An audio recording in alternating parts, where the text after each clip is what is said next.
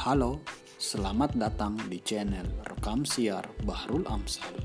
Di sini tidak berisi segala hal, tapi hanya rupa-rupa. Selamat mendengarkan.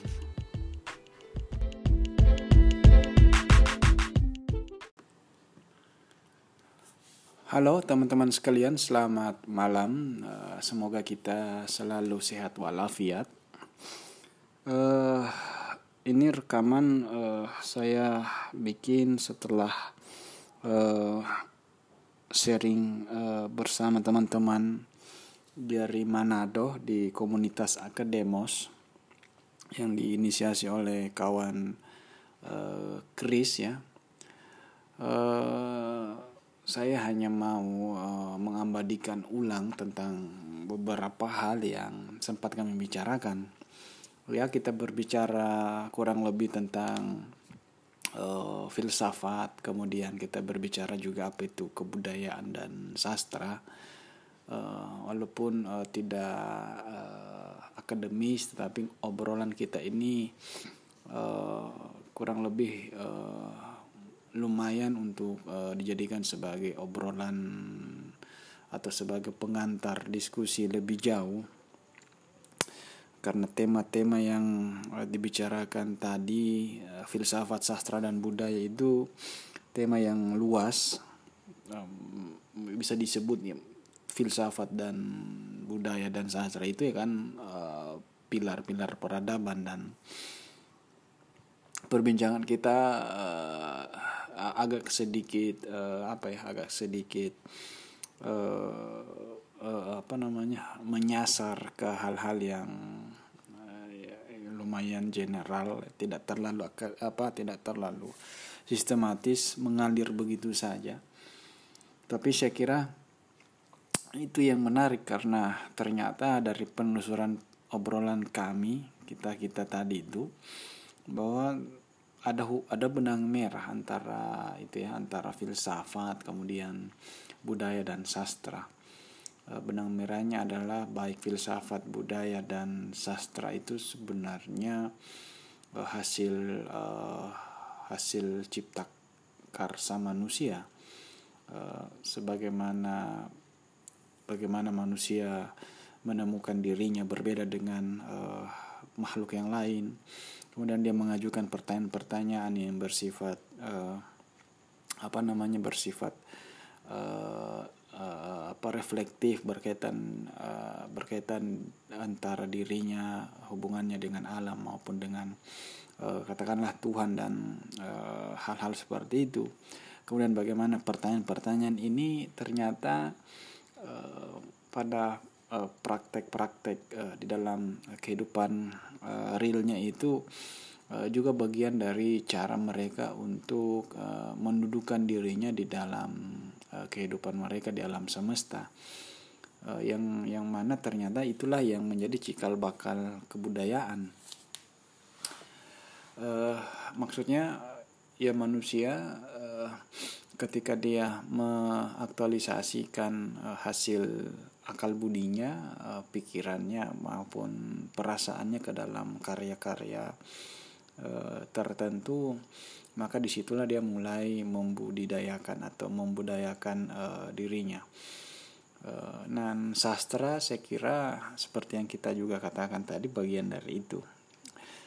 Nah menariknya uh,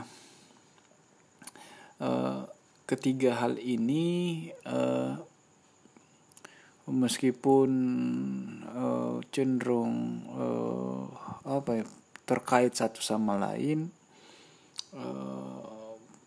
menjadi problem tersendiri di abad hari ini ya karena uh, baik filsafat uh, sastra maupun budaya dan seperti juga yang kita uh, lihat di belakangan ini perdebatan antara sains dan uh, agama ternyata saling ini ya saling uh, apa namanya saling uh, saling menyerang satu sama yang lainnya.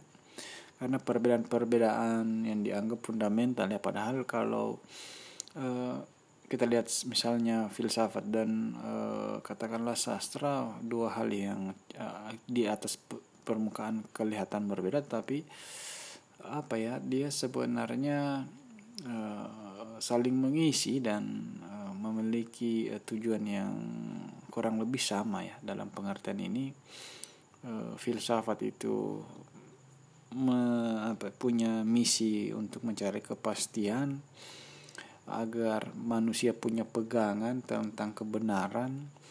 Uh, meskipun demikian kemapanan yang sering kali dianggap benar, dianggap ya, eh, dianggap sebagai pandangan yang mewakili keyakinan itu di mata sastra bisa direfleksikan ulang ya bahwa tidak semuanya yang sudah mapan itu mungkin mungkin ini mungkin bisa saja sesuatu hal yang keliru di suatu waktu.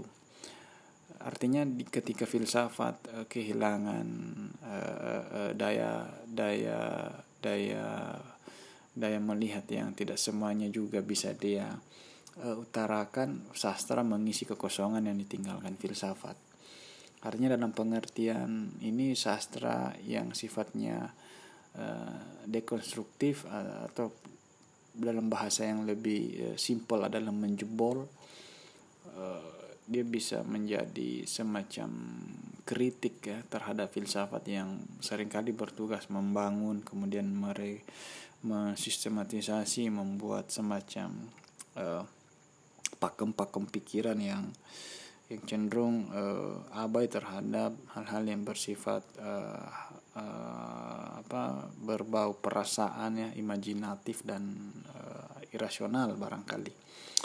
Nah sastra dan filsafat ini itu memang kelihatannya sepertinya berbeda tapi uh, apa ya dia dua hal yang punya hubungan yang saling mengisi ya begitu juga dengan kebudayaan budaya itu saya kira kan salah satu pengertian akademis yang sering kali dipakai hasil dari cipta karya ya yang yang di di apa namanya di dimotori oleh kerja-kerja akal budi ya kemampuan kogni, kognisi manusia yang yang diaktualisasi ke dalam karya-karya tertentu entah karya seni karya uh, karya tulisan atau uh, karya hukum karya politik dan karya ekonomi misalnya uh, ini kalau kita melihat ternyata refleksi-refleksi yang kita temukan seperti ini itu sama halnya dengan apa yang uh, dialami bagi filsafat. Artinya ketika filsafat atau orang-orang berfilsafat dia sebenarnya juga melakukan kerja-kerja uh, mendaya gunakan akal budinya. Me, apa memulai dan menyadari bahwa dirinya berbeda dan karena berbeda itu ada jarak antara diri dengan apa yang dia pikirkan di situlah muncul pertanyaan-pertanyaan. Muncul eh, refleksi-refleksi uh, yang sifatnya eksistensial ya. Tidak sekedar apa itulah keunikan manusia tidak sekedar membangun gagasan tidak sekedar mengetahui tapi dia bisa menganalisis pengetahuannya bisa menimbang pengetahuannya bisa mengevaluasi pengetahuannya. Dan uh, kerja-kerja ini di antara filsafat dan budaya uh, punya kesamaan uh, dari sisi bagaimana mereka melihat akal budi sebagai ini sebagai uh, ini sebagai modal ya utama untuk melakukan kerja-kerja uh, intelligible seperti itu dan sastra uh, apa ya di antara itu bagian dari kerja-kerja seperti itu. Nah perbincangan kita tadi itu pada akhirnya jatuh kepada kesimpulan bahwa masing-masing ini punya ini ya punya punya uh, punya dimensi yang uh, apa ya punya dan mewakili satu modus uh, being tertentu ya. Artinya filsafat memiliki tugas tertentu budaya punya tugas tertentu dan sastra punya tugas tertentu. Walaupun dalam tujuan akhirnya dia dia sama-sama dalam rangka untuk uh, menjawab kebutuhan-kebutuhan manusia. Dan kebutuhan manusia itu tidak tidak tidak uh, tidak satu tetapi berlapis-lapis atau bermacam-macam dimensinya. Ada dimensi dari segi kebutuhan materialnya ini yang ini yang apa ya dipenuhi dari budaya dengan hasil teknologi dan semacamnya. Ada budaya rohani yang diisi oleh filsafat dan agama di satu sisi dan budaya-budaya estetis yang di mana salah satunya itu diambil alih oleh sastra.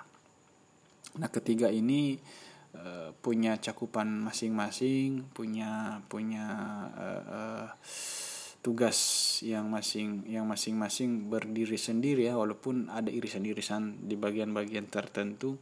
Yang saya kira di situlah uh, fungsinya untuk saling ini ya uh, saling menghargai bahwa masing-masing ini punya kekuatan dan kekurangannya masing-masing. Tinggal bagaimana manusia mendudukan mereka di di apa ya di tempatnya itu sendiri ya. Artinya dia punya kedudukan yang berbeda dan itulah mengapa khasana seperti ini saling memperkaya dan uh, menutupi satu dengan yang lainnya. Nah oke okay, uh, teman-teman ini uh, podcast yang saya kira ringkas saja hanya sekedar uh, menghangatkan sekaligus uh, menyimpan apa-apa yang menjadi uh, katakanlah inti dari diskusi kami uh, uh, beberapa waktu yang lalu. Uh, oke okay, uh, teman-teman. Uh, Terima kasih telah mendengarkan. Selamat malam.